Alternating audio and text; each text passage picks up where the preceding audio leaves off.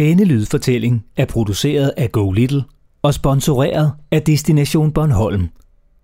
God fornøjelse.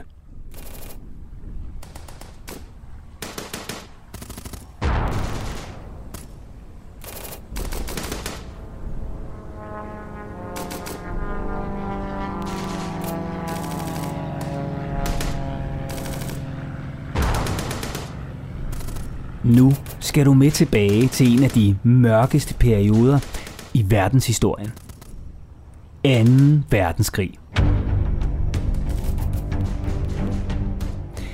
Vi er ved Dueøjet på Bornholm, og vi skal et par hundrede meter ind i skoven, hvor der den dag i dag ligger et kæmpemæssigt bevis på krigens brutalitet.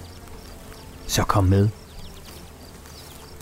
Og mens vi går, kan jeg fortælle dig lidt mere om Bornholm under 2. verdenskrig. For det er en helt særlig historie. Måske ved du allerede, at Danmark for mere end 75 år siden var besat af Tyskland. Helt præcist fra 9. april 1940 til 5. maj 1945. Det var under 2. verdenskrig, da den tyske rigskansler – det er jo en slags præsident eller statsminister, Adolf Hitler, forsøgte at erobre store dele af Europa. Det lykkedes heldigvis ikke, men selvom man ikke kender det præcise antal, der døde under krigen, mener man, at op imod 60 millioner mennesker mistede livet i 2. verdenskrig. Det svarer altså til hele Danmarks befolkning. Ikke 1, 2, 3, 4, 5, 6, 7, 8, 9, men 10 gange så mange mennesker mistede livet, og måske endda endnu flere. Og hvad du måske ikke ved er, at Bornholm var besat endnu længere end resten af Danmark. Først af tyskerne, og siden af Sovjetunionen. Og først et år efter, at resten af Danmark var blevet befriet, blev Bornholm det også. Og nu, hvor vi er nået lidt længere ind i skoven, kan du, hvis du kigger godt efter, måske begynde at skimte spor af beton på jorden derinde mellem fyrtræerne. Det er resterne af de tyske bunkere fra 2. verdenskrig, selvom de måske kan være lidt svære for øje på, for de blev aldrig bygget helt færdige. Men hvis vi går lidt videre, er der synlig gevinst. Det ligger lige der det kæmpemæssige, halvfærdige kanonbatteri. Kanonbatteriet er en kæmpemæssig betonkonstruktion, der er cirka 30 meter bred og 40 meter lang. Og der ligger to af dem i skoven med et par hundrede meters mellemrum. De ligner lidt en kæmpe stor og forladt UFO, lavet i beton. Med en rund mur, der omkranser en forhøjning på midten, med en slags betontrin op til det sted, hvor kanonen skulle have været monteret. Og det var altså noget af en kanon. Den skulle have været 17 meter lang og vejet over 100 ton. Det svarer til sådan cirka 15 elefanter per kanon. Kanonen kunne skyde med 800 kilo tunge granater, der fløj med en hastighed af næsten 3000 km i timen og kunne ramme mål mellem 30 og 40 km væk. Dermed kunne kanonstillingerne ramme den skibstrafik, der var særligt syd for Bornholm.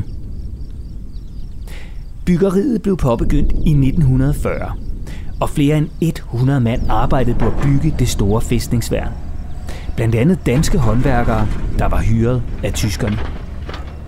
Men byggeriet blev ramt af store problemer undervejs.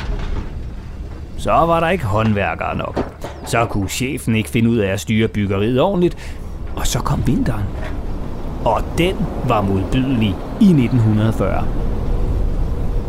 Med dansk kulderekord på minus 30 grader.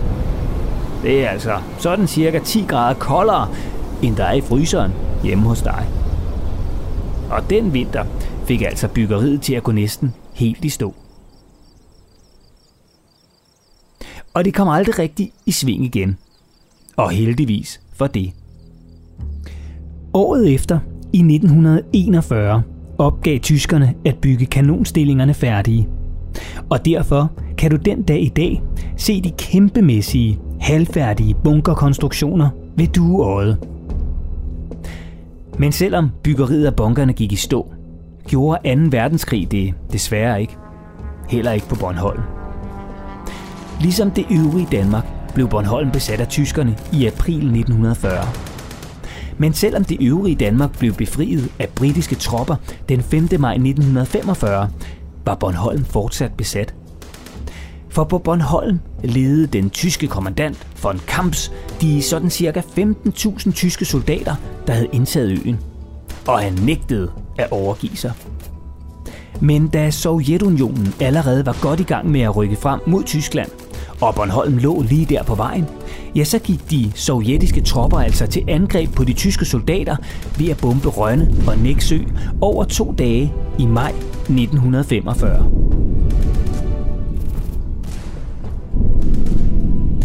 Ti Bornholmere mistede livet de to dage.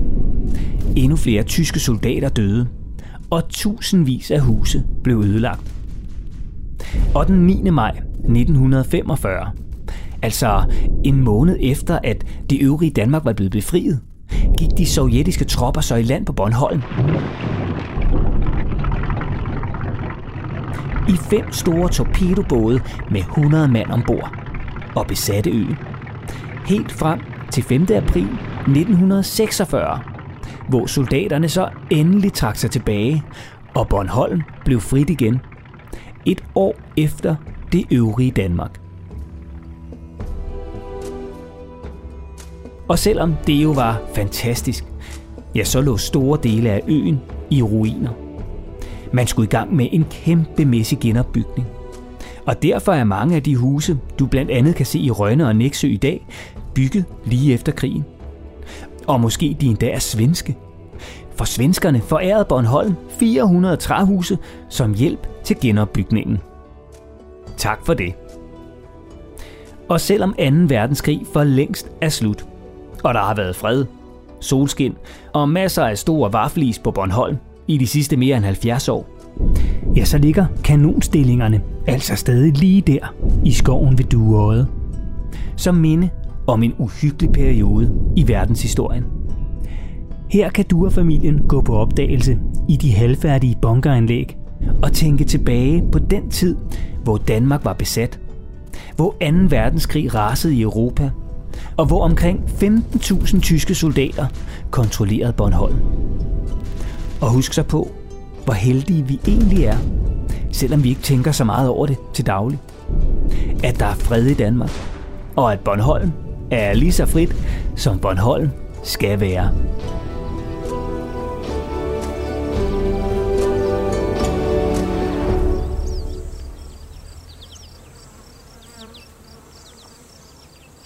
Det var historien om bunkerne og 2. verdenskrig på Bornholm.